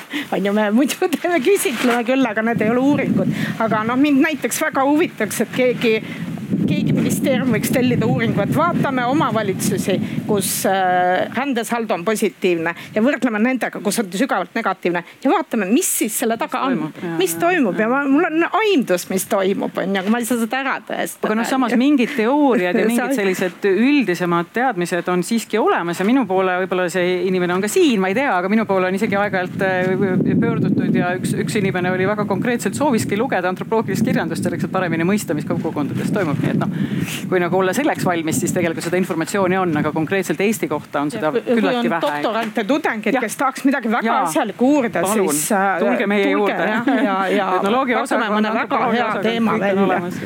külastage meie boksi äh,. Ma, ma küsin siit edasi äh, äh, äh, suhete kohta, et äh, et nende aktiivsete kogukondade tekkimise või kujunemise üks takistus, äh, ma olen kuulnud, on muuhulgas äh, see, et inimeste koostööoskused ei ole alati kõige paremad, on ju. Ähm, ja, ja kuidas teie nagu kommenteerite, et, et kuidas kogukonnas tulemuslikult kriise juhtida, et, äh, et, et mida on vaja selleks, et, et ei tekiks sihukest kaevikusõda, on ju Ähm, kus, kus inimesed lihtsalt ei tahagi enam üldse mingis küsimuses omavahel rääkida. Ja võib-olla teil on häid näiteid, kuidas on, asjad on käest ära läinud, aga siis on korda saanud mingis kogukonnas.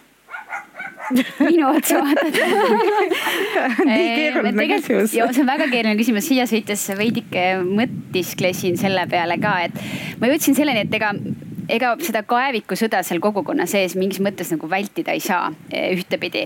et e, võib-olla oleks hea, kui oleks vahel seal üks inimene, kes on siis tasakaalustav pool, kes ei ole kumbagi poolt, vaid proovib liimida seda konflikti kuidagi kokku ja võib-olla sinna kompromissi suunas neid suunata. aga, aga jah mul ei ole head näidet ja, ka. no muidugi, mulle tundub, et see ei ole mitte mingisugune kogukonna spetsiifiline küsimus, et Vaid see on kogu Eesti mm -hmm. küsimus, me ei oska koos olla. et meil on väga palju puudus, noh oskuse puudu, mis võimaldavad meil koos rahulikult ja konstruktiivselt ja sõbralikult elada. et noh, see individuaalsus ja, ja see konkurents ja see egopõhisus on nagu väga suur, et see on terve ühiskonna teema. aga, aga küll võiks ju tulevikus niiviisi unistades olla omavalitsustes näiteks noh, ütleme, kes täna on võib-olla kogukonna spetsialist või arendusnõunik, kes oskab ka minna ja natukene aidata neid osapooli äh, nagu rääkida ilma noh, sellise vägivaldselt, seal tehnikad on olemas, seda peab lihtsalt õppima. aga meil ei ole piisavalt neid inimesi. ja võib-olla on ka motivatsiooniga mingi probleem, et äkki ei ole, ei olda piisavalt motiveeritud, et, et need, kes saavad hakkama, neil pole vaja ülejäänutega nii head koostööd teha ja need, kes hakkama ei saa, tunnevad ennast nagunii väga ebamugavalt sellistes olukordades ja ja see motivatsioon võib mingisugustel asjaoludel tekkida või siis, kui me saame korraga aru, et probleemid tekivad siis, kui me inimesi ei, ei, ei, ei, ei püüa nagu nendega koostööd teha. noh, me oleme seda ju tegelikult viimased no vähemalt, vähemalt viis-seitse aastat oleme ju kogenud, kuidas, kuidas niisugused kaevikud tekivad ja kui halb see kõigile lõpptulemusena on, et ei ole väga mõnus olla sellistes situatsioonides, kus kõik omavahel kaklevad ja käib ainult mingisugune andmine noh poliitika tasandini välja, et, et noh no., kui sellest, kui need nagu need seosed võib-olla saa, paremini selgeks rääkida, noh osalt on see meedia ja teadlaste, teadlastele ka nagu üleskutse, aga inimestele ka, et nad seda otsiksid ja aru saaksid.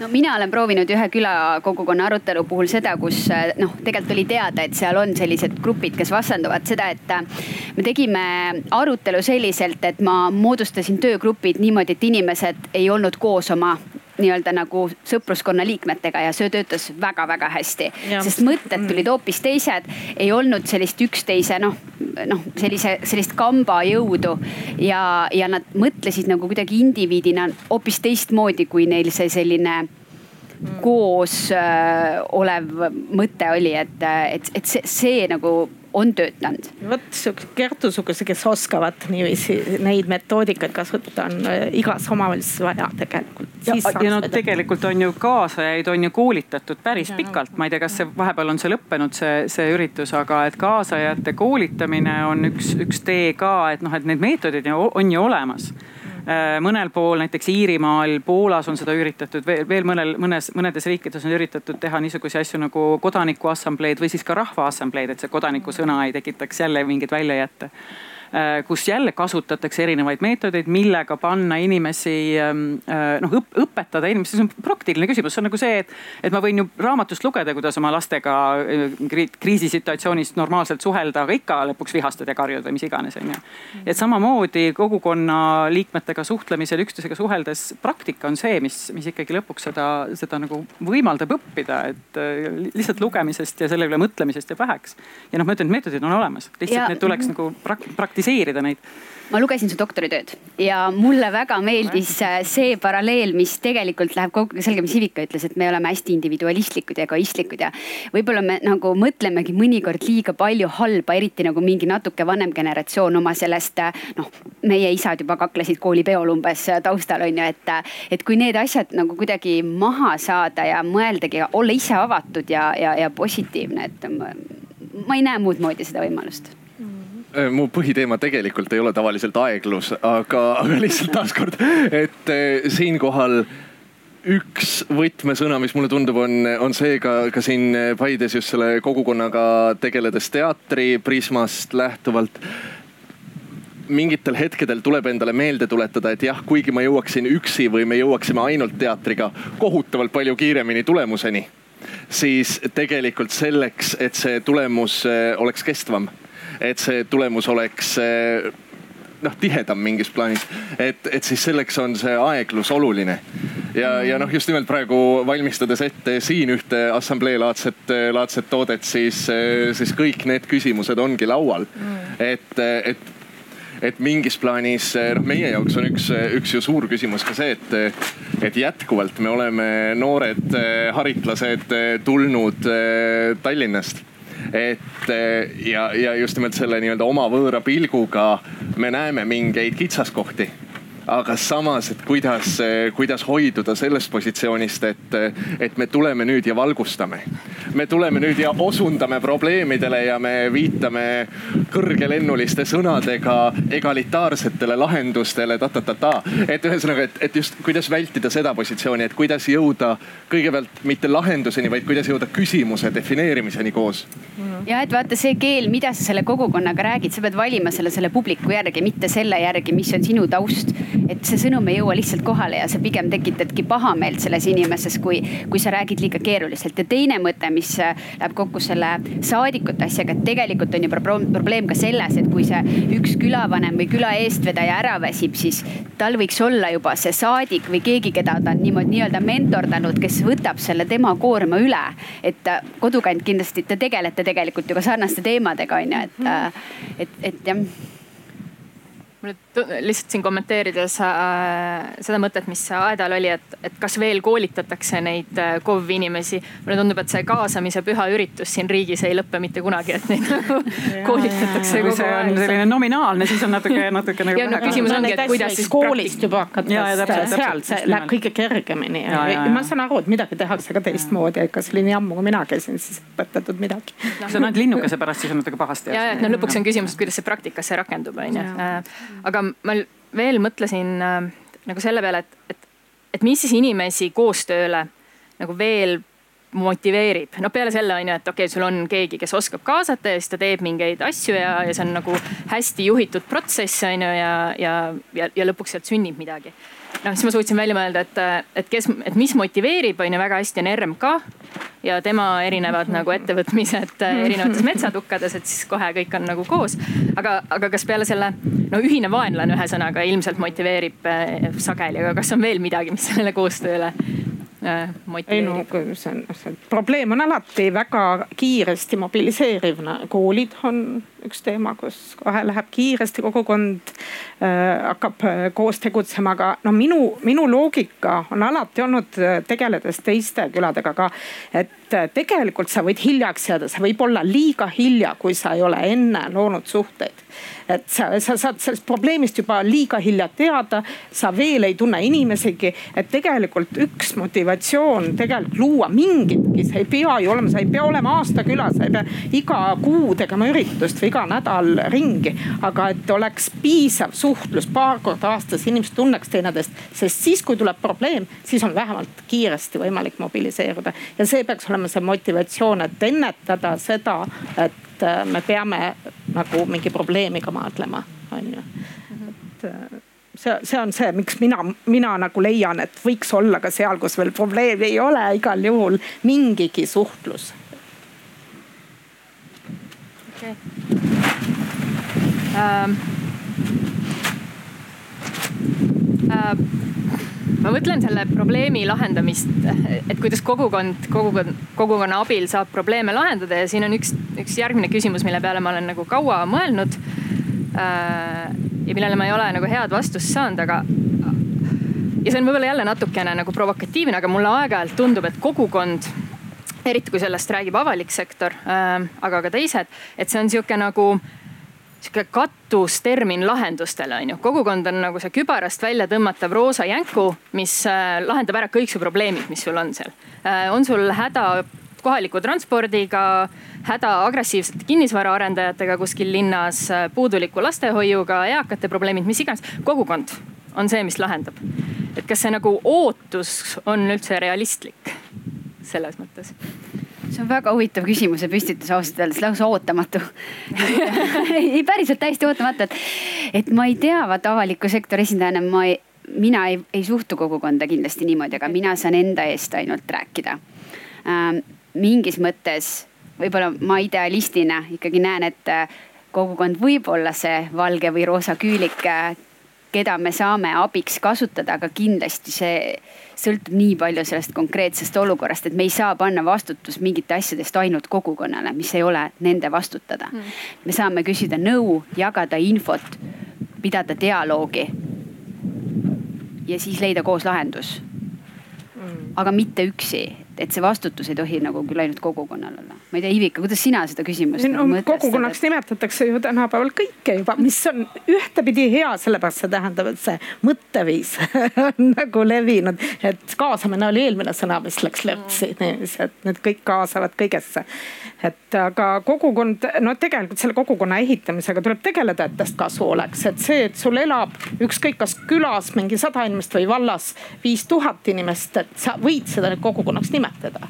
aga küsimus, kas ta toimib nagu kogukond, et kas, kas ta on see, kellega saab asju lahendada, äh, arutada, infot vahetada ja nii edasi. et selle, see on nagu pikk töö, on ju, et see ja see ei ole midagi, mis mis on eos olemas ega mida saaks ka kiiresti teha. ja, ja ma näen vahel ohtu ka selles, et ähm, mõnikord need kogukonna esindajad võivad esindada suhteliselt ainult oma isiklikke huve, et, et kuidas äh, ikkagi vaadata pilti suuremalt, et okei okay,, minul on seda vaja, aga tegelikult, mida see minu kogukonna jaoks tähendab või mida see asi, mida mina näiteks arendajana teen, mida see kogu kogukonna jaoks tähendab, et.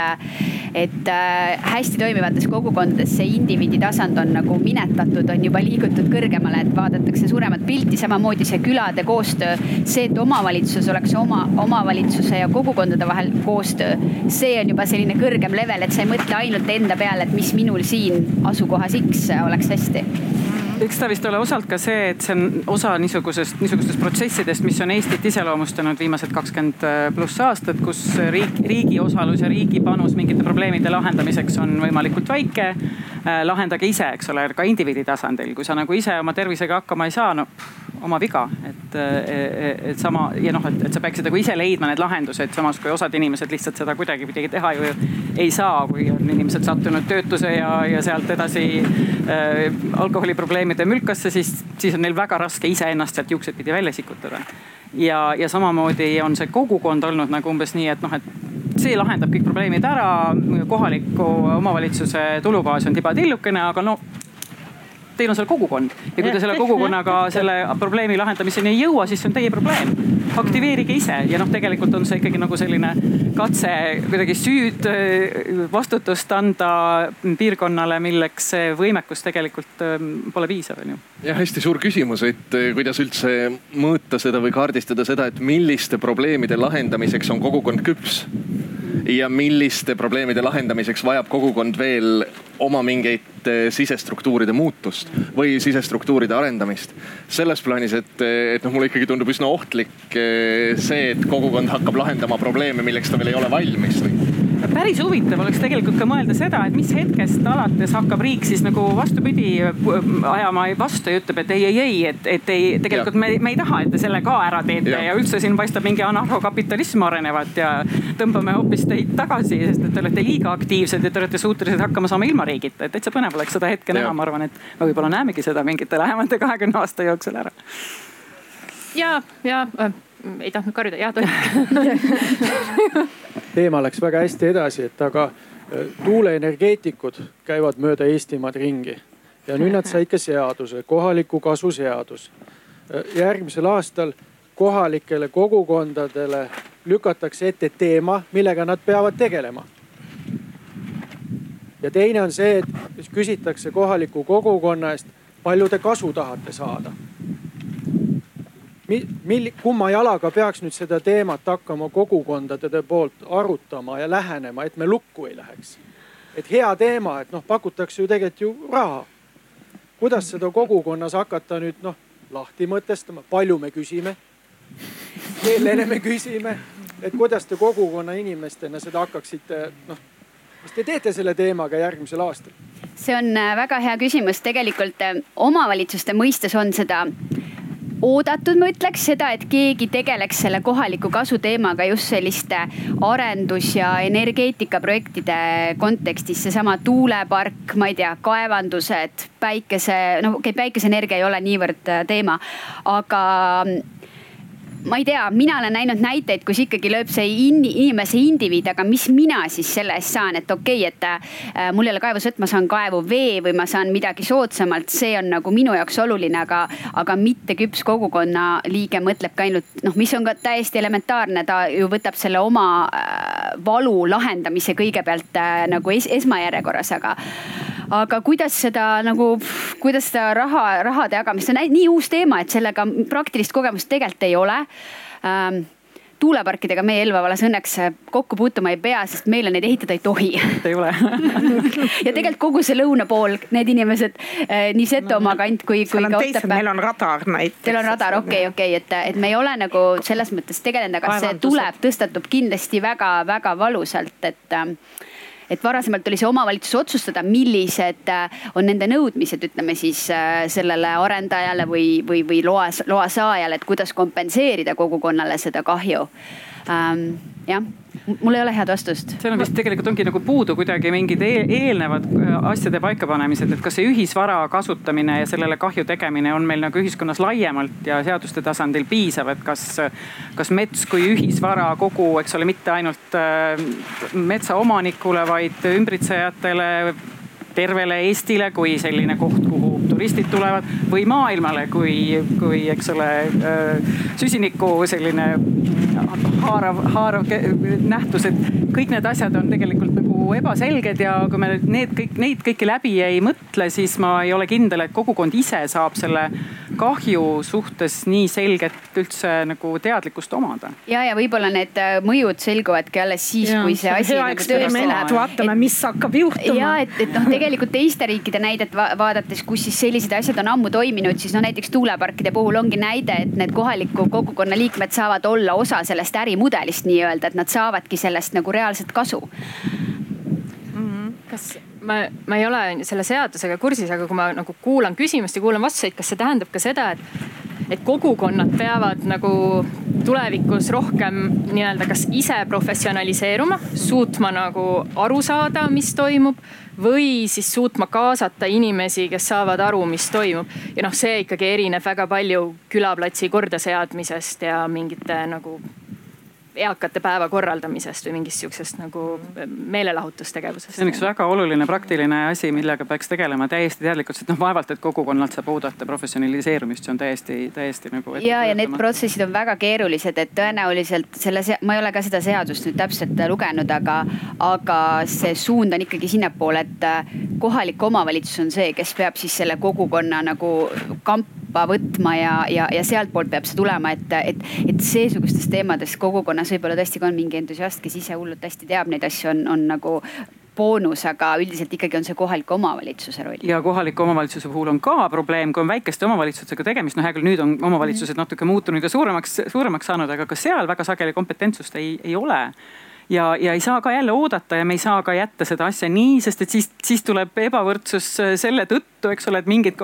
mingites omavalitsustes juhtub olema teatud asjades, mis parasjagu on pinnale kerkinud suurkompetents ja teistes mitte ja ühed siis saavad nagu endale terve rea mingeid probleeme mingisuguste kavalate ähm, arendajate näol, kes suudavad veenda, et kõik on, kõik on nagu hästi, kui me selle siia teeme, mis iganes see siis parasjagu ei oleks ja teises piirkonnas suudetakse need probleemid kuidagi nagu teistmoodi lahendada. et noh, see peaks ikkagi olema lahendatud mingilt tasandilt, mis võimaldaks seda ühtlustada, seda teadmiste baasi. ja, ja ega selles mõttes, ega see ei ole ju ega ettevõtja ei ole ju ka selles mõttes koll ja halb inimene alati, et ta on ka valmis selleks koostööks, kui ta õigel hetkel saaks selle kogukonnaga rääkida. me siin just hiljuti Keskkonnaametile pakkusime välja selle, et miks mitte juba nõuda arendajalt näiteks, ma ei tea, mingi kaevandusala puhul enne loa küsimist selle kogukonnaga rääkida, et mis te arvate või et te teaksite, mitte nii, et sa saad ühel päeval teada, et põmm, niimoodi on. ma arvan, et siis saaksid paljud jah-sõna, et tegelikult see on see umbusaldamine ja see, et mis tahetakse üles sõita, tunne, mis paneb. pluss nagu väga halvad näited ka ja, ja. ja enda kogemus väga halbade igal juhul, mida rohkem kogukonnalt oodatakse, seda, seda nutikamaks ja osavamaks nad lähevad, et kõige hullem on see, kui neilt ei oodata mitte midagi ongi, onju, et siis. ja, ja kindlasti nagu võidavadki need kogukonnad, kellel ongi mingi külaselts või noh, meil Elva valla näitel piirkonnakogu, kes siis saabki vallalt otse alati selliste teemade puhul kohe informatsiooni ja, ja saab kohe, ma ei tea, oma kogukonna liikmetega erinevatest küladest need ka keerukamate teemadega siis äh, mõtted vahetatud. okei okay., ma küsin siit edasi äh teemat, mida, mida Iivika ennist nagu ääriti puudutas ja mis natuke. ma mõtlesin, et aeg hakkab läbi saama, ma ei, ei näe kella ju. meil on veel natuke aega ja mul on siin äh, paar nagu äh, küsimust, mis mind ennast veel väga huvitavad. Äh, ühesõnaga küsimus sellest, et kuidas saab mis on need töötavad, mis võiks olla need töötavad praktikad, kuidas KOV saab just selliseid inimesi, kes oskaks läbi rääkida tuulemeestega, kes saaks aru, kuidas eraettevõtlus toimib, kes viitsiks kohapeal midagi teha, et kuidas sa neid inimesi sinna maale meelitad, et mis nagu, mis siis töötab?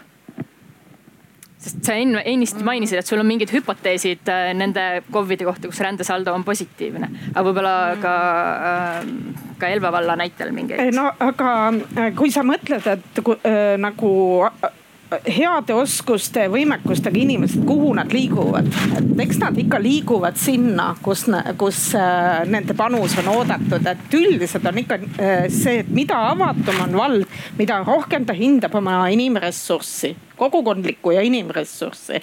mida avatum on ta kõiges selles suhtes, et no ma, no ma ei tea, ma olen liiga Setomaa poole kaldu natuke, aga ikkagi, et ma tean, et seal on, tuleb uus inimene. mida ta oskab mida teha suudab, kuidas me võiksime tema oskusi ära kasutada. et see on hoiaku küsimus, on ju, et mida avatum on ja mida rohkem usub inimeste nagu noh tarkusesse see valla juhtkond ja, ja sealhulgas kogukondlikkusse, seda paremad inimesed ta saab. nii lihtsalt ongi, ma tean mõnda äh, maakonda, kus on kõik vallavanemad on sellist, kes ütlevad, et meil ei olegi kogukondi. Et ja, ja meil ei olegi midagi võtta, on ju, ja ma noh siis seal ka ei toimu mitte midagi, sest sinna on raske saada häid inimesi, see on kõik inimesed liiguvad sinna, kus neid oodatakse, on ju. ja ma arvan, et sinna ka, kus, kus on juba head, sinna tuleb juurde tihti, et nii meie näidetel, Vidrike näidetel, inimesed juba uurivad ka maal elama kolides, et oot-oot-oot, kes seal veel elavad, kuidas see kogukond on, kas seal on rohkem lapsi või noored või, või on, on seal üldse vaba maa, maatükk on ju.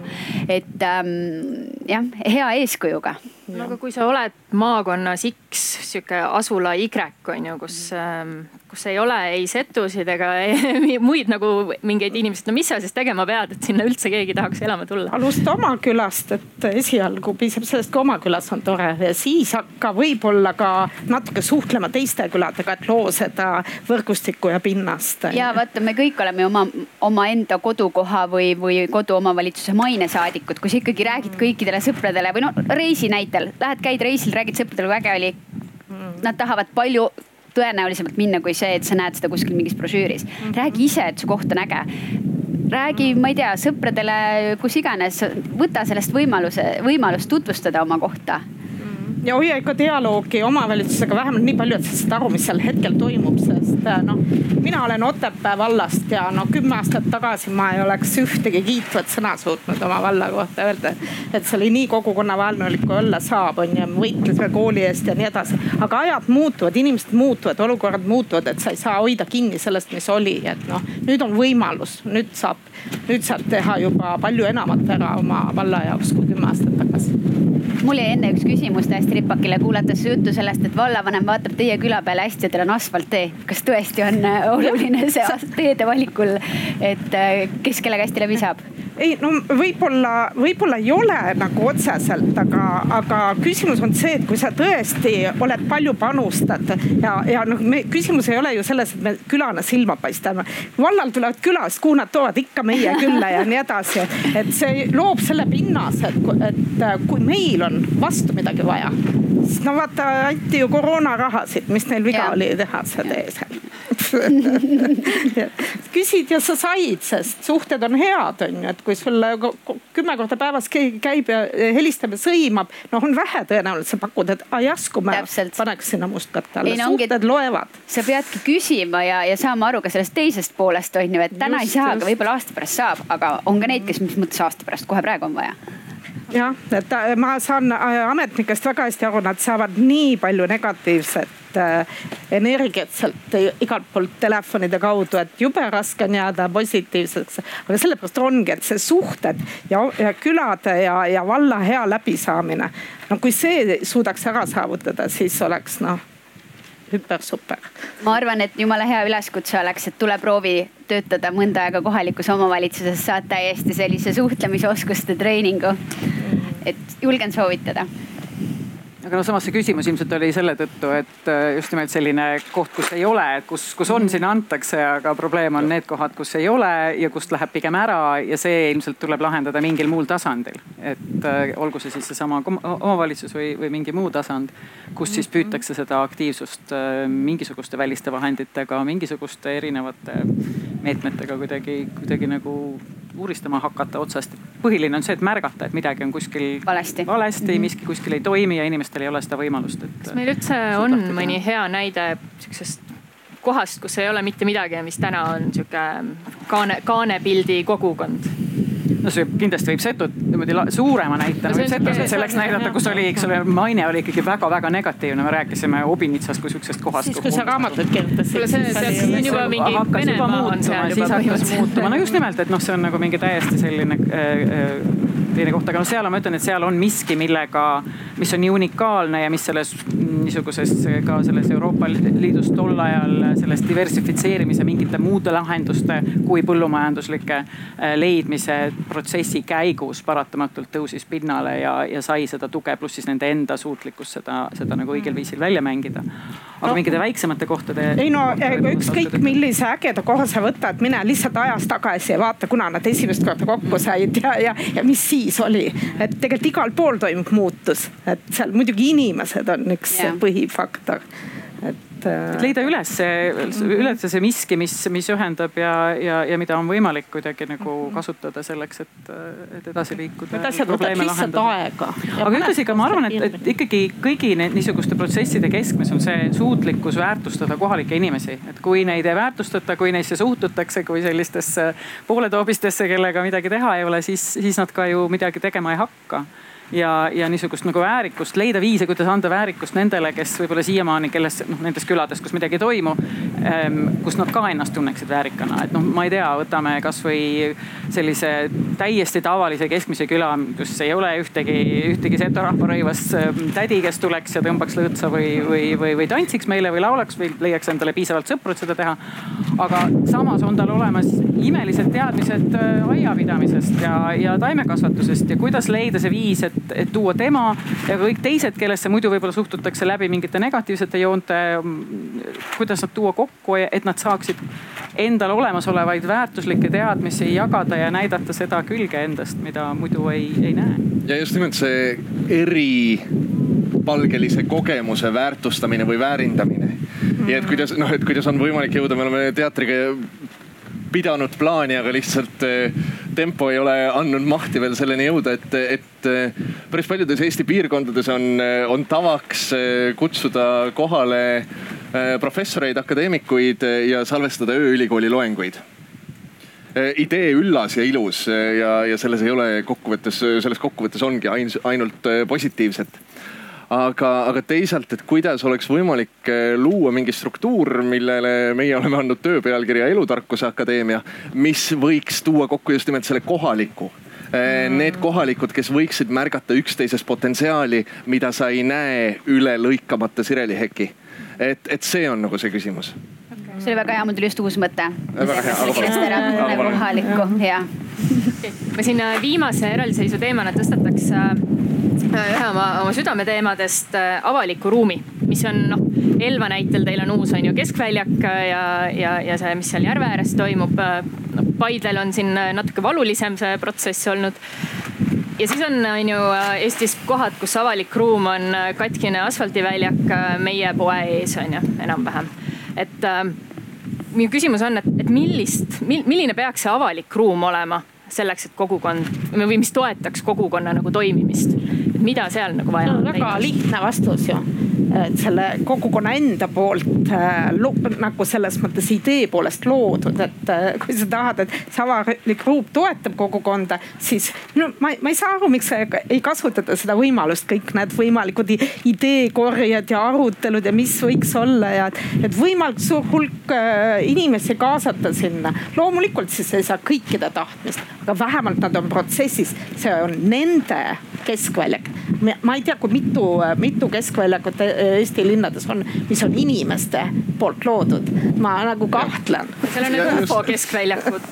ei, aga selles plaanis, selles plaanis ma olen väga-väga nõus, et, et sa ütled ühtepidi, et Paides on olukord äh, valuline ja, ja mingis mõttes noh, sa viitad, eks ole sellele, et siin EV saja raames ei tehtud keskväljakut korda no see on mm -hmm. muidu ka osad, mingid osapooled on nagu äh, õnnetud, et ja, ei saa autoga sõita nii palju. absoluutselt, iga, igatahes ja, ja küll neid osapooli ikka jääb, jääb olema ja tulema. aga teistpidi just nimelt see ajutine avalik ruum äh, siin siis selle ruumi eksperimendi vältel, mis neljandat korda siin keskväljakul lahti rullub. ta annab mingi teistsuguse koostegemise kogemuse, ta annab mingi teistsuguse hoidmise ja loomise kogemuse ja ta lubab äh, mingis mõttes ju neil, kes ühel hetkel peavad siis tegema selle betoonist tänavakividega keskväljaku, ta lubab eh, neil koguda mingit kogemust või vähemalt mm. annab selleks võimaluse, ma ei ole kindel, kas seda võimalust kasutatakse. Eh, üritan välja uurida pärast debati lõppu, aga, aga, aga ta annab mingi võimaluse katsetada erinevaid lahendusi, mida üks keskväljak peaks tähendama. selle asemel, et äh, arhitektuuribüroo X äh, Tallinna sellest ja sellest äh, linnaosast joonistab mingi tänase päeva ja, ja see tänane päev on tihti üsna kitsas. ühesõnaga, kui me liigume erinevate Eesti väikelinnade keskväljakutel, siis sorry, puhtesteetiliselt jäävad nad väga kähku ajast maha mm et puhtesteetiliselt mingid need keskväljakud ei ole, ei ole tegelikult noh stiilis püsivad. ja, ja seal absoluutselt noh, mina räägin snoobi vaatepunktist, aga, aga iseenesest see, et see keskväljak ei oleks mitte ainult aasta kaks tuhat kakskümmend üks kaasaegse arhitektuuri ajakirja stiilinäidis, vaid et ta oleks funktsionaalne. ja et selles funktsionaalsuses peituks selle keskväljaku ilu noh mingis mõttes, et, et ta ajendaks kokku tulema, et ta pakuks seda võimalust eh, luua vaheruume, kus saaks toimuda kohtumised inimeste vahel, kes, kes ehk ei jaga mingeid arvamusi. jah, sest eh, tegelikult on raske inimesi kutsuda lihtsalt mõttetult, teeme arengukava, no ei ole, no see ei ole midagi eh, põnevat. aga kui sa arutad, mis meil siin platsi peal olla võiks, ma arvan, see on nii hea võimalus võimalus. nii paljud haaraks sellest kinni, on ju, et miks, miks seda ära ei kasutata no,. see on nagu nii lihtne äh, kaasamise. no ma arvan, et, et päris ilma arhitektideta ma mingit suurt asja ei lahendaks, aga, aga mis ma tahan öelda, on see, et, et äh, hea avalik ruum kogukonna või kodaniku jaoks äh,, minu jaoks kõlab midagi sellist, nagu sa kirjeldasid. see on, seal on kohti, kus on, ma ei tea, vanaemast äh, sisulist imikuni midagi teha, et, et sa tahaksid tulla õue ja olla seal õues, et paljudes kohtades ei ole seda õnne, meil Elvas on väga funktsionaalne keskväljak, tulge külla, kui te ei ole veel käinud. Ja tõesti, seal ei ole mitte lihtsalt kena, vaid seal on ka midagi teha, et äh, ei pea olema ainult ilus ilm, vaid ka kehvema ilmaga. Sa saad seal, äh, ma ei tea, malet mängida või, või midagi muud teha, et ehk siis tasuta kättesaadav kõigile olenemata, ma ei tea, taustast, keeleruumist, kõigest. loomulikult peab olema sellel kogukonnal õigus kaasa rääkida sellest, kas see sobitub neile. Telva näitel ka äh, oli suur jama alguses sõstrapõõsaste vahel, kohalikku kogukonda üldse ei kõnetanud ja siis arhitektid muutsid lahendust ja, ja, ja tulid sellele vastu ja täna ähm, mina ütleks, et kohalik elanik kasutab ka väga suure rõõmuga seda, mitte ainult külalised. Ja see peakski olema, et see peab olema kohaliku elani, elaniku jaoks esmajärjekorras, mitte ainult selleks, et saaks ägedaid pilte teha Jan. minu arust Eestis üks äh, musterprobleem või, või noh, tegelikult üks äh, kohutavalt suur äh, küsimus on see. sa ütlesid, et halva ilmaga saab ka.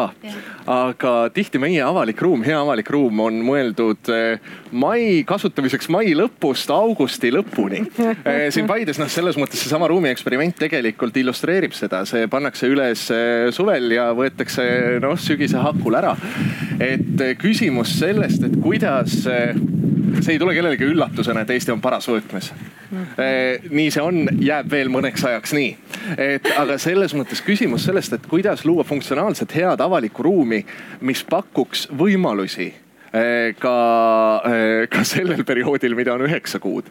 Eh, kunagi Helen Sooväli Seppinguga kohtusime ja siis, siis arutasime sedasama, sedasama küsimust ja, ja tema tõi näiteks selle, et kuidas Skandinaavia riikides päris mitmetes on, on lihtsalt kultuuriline eripära kuum, äh, kuuma šokolaadi ja kardemonisaiakeste äh, söömise poole. ja kuum šokolaad ja kardemonisaiake aitab muuta avalikku ruumi ka talvisel perioodil elavaks. Tallinna vanalinnas see toimib peaaegu glögi pealt aga kõik need teised väikesed kohad, et seal just nimelt see aastaringne avalik ruum on tegelikult hästi suur küsimus ja, ja teine asi, mis on hästi äge, meil on praegu üldplaneering koostamisel ja äh, on tulnud äh, taas soov selliste kogukonnaaedade järgi, mis äh, on võib-olla suurlinnade Tartu, Tallinn teema olnud ja samamoodi kogukonnaplatside üle, et inimesed äh, tahaksid, et olekski selline kooskäimise koht ka siis, kui sa elad linnas ja kogukonnaaed selleni välja, et see võiks ollagi mingite täiesti söödavate Aga asjade kasvatamiseks. kus siis just see, see teadmine ka tuleb mm. kohtadest, kus võib-olla muidu eeldatakse, et teadmisi ei ole, onju. aga ma selle läbi aasta kasutatavuse kohta ütleks ka, et noh, tegelikult jah, seni kuni meil ikkagi veel nagu talv on mis siis ikka, et noh, et ongi mingid perioodid, kus inimesed ei pea olema tingimata ninapidi koos, et võib-olla tahetaksegi natuke puhata ja ma ei tea, käsitööd teha nagu vanasti ja tulla siis pärast. talvel pimedas tuledega, väga romantiline. see kõik väga äge, aga et noh, et, kui seda pidevalt ei kasutata, ei pea suhtuma umbes nii, et oi, me oleme ebaõnnestunud ja noh, läks, läks vussi on ju, et, et tegelikult see on ka okei okay,, kui ei kasutata. okei okay. ähm,, viimased viis minutit küsida küsimusi äh,. arvata veel äh, publiku seast vaielda vastu, öelda, et see kõik on jama. Need ei tule siia, kes teavad ähm, no. hallo, hallo, Arto Saar, Järva vallavanem Järva-Jaani lähed siis tore. et äh, Järva-Jaanis muide kogukond hakkas elama ja just äh, sai peenra endale kasutada, et tuleb kogukonna peenar. aga ma tahtsin kaasavast eelarvest rääkida, et kuidas see Eestis siis läinud on, et Järva valla puhul meil on kogukonnad tülli läinud, sellepärast et äh, kaks suuremat kogukonda saavad, äh, Järva-Jaani Koeru, mõlemad on tuhat elanikku, võtavad äh, noosi. Nüüd tehti niimoodi, et kolm aastat on, need ei saa, need nii-öelda asu, asustusüksused, aga saab siis selle suure asula naaberküla hoopis ilmselt. et need antakse õlga alla, aga Imavere, Koigi ja Albu naabrid ja need kogukonnad ei saa üldse, et, et kuidas võib-olla Elval on hea näide, et on. kuidas, kuidas see nagu hästi läheb, et jah, palun. kõik sõltub sellest kaasava eelarve ülesehitusest, et äh, ühtepidi meie oleme küll seda meelt, et ühtegi kogukonda, kes eelmisel aastal võitis, peaks välistama, see läheb tegelikult ju kaasava eelarve põhimõtetega vastuollu. et äh, miks, miks peaks sellel kogukonnal olema pärast üldse motivatsiooni, aga meie näide ütleb ikkagi seda, et meil on niimoodi, et äh, meil saavad rahastuse kolm ideed, peavad olema erinevatest piirkondadest ja igal aastal on tegelikult ähm, okei okay,, Elva linna, üks idee on tavaliselt Elva linnast, aga see ei ole üldse esikoha idee alati olnud. Äh, meie näide ütleb, et väikesed kogukonnad mobiliseerivad ennast väga hästi ja teevad väga ägedat kampaaniat ja mina ütleksin, et võti on selles kampaanias et ähm, ma ei tea peast teie seda kaasava eelarve määrust, mis seda korda reguleerib, kuidas täpselt te toimetate, aga, aga jah, meil on selline võimalus, et igal aastal saavad kõik esitada. me oleme soovitanud, kuna meil toimetavad piirkonnakogud, et hästi äge oleks, kui ühest piirkonnast oleks üks idee või te olete nagu oma kogukonnaga selle läbi rääkinud, et teil on toetajaid. ja meie hääletusel saavad tegelikult äh, häält andes inimesed anda mitmele ideele ja siis tehaksegi erinevaid selliseid kampaaniaid koos ja ilma ja meie noh, näiteks äge Kirepi kogukond, kus tegelikult ma ei tea, ma võib-olla eksin numbritega, aga elab sada viiskümmend inimest. sai kaasavast eelarvest eelmisel aastal rahastuse, üle-eelmisel aastal rahastuse, eelmisel aastal Rämsi kogukond samuti paarsada inimest. et meie näide ei toeta seda, mis teie välja tõite et kõik sõltub sellest, kuidas te olete selle süsteemi üles ehitanud. ja mis on kaasava eelarve puhul meie jaoks vallas väga oluline väärtus, on see, et need ideed, mis ei saa rahastust need on ju meile teada ja me leiame võimalused need kuidagi teisiti ellu viima, viia. oleme kasutama, kasutanud erinevaid liidrivõimalusi või teinud ise ära. et see tegelikult ju äh, ühtepidi inimesed ütlevad kogukonnas selle vajaduse välja ja see tegelikult lihtsustab meie tööd. vaadates seda, et kuhu piirkonda midagi vaja on ma loodan, et ma vastasin küsimusele.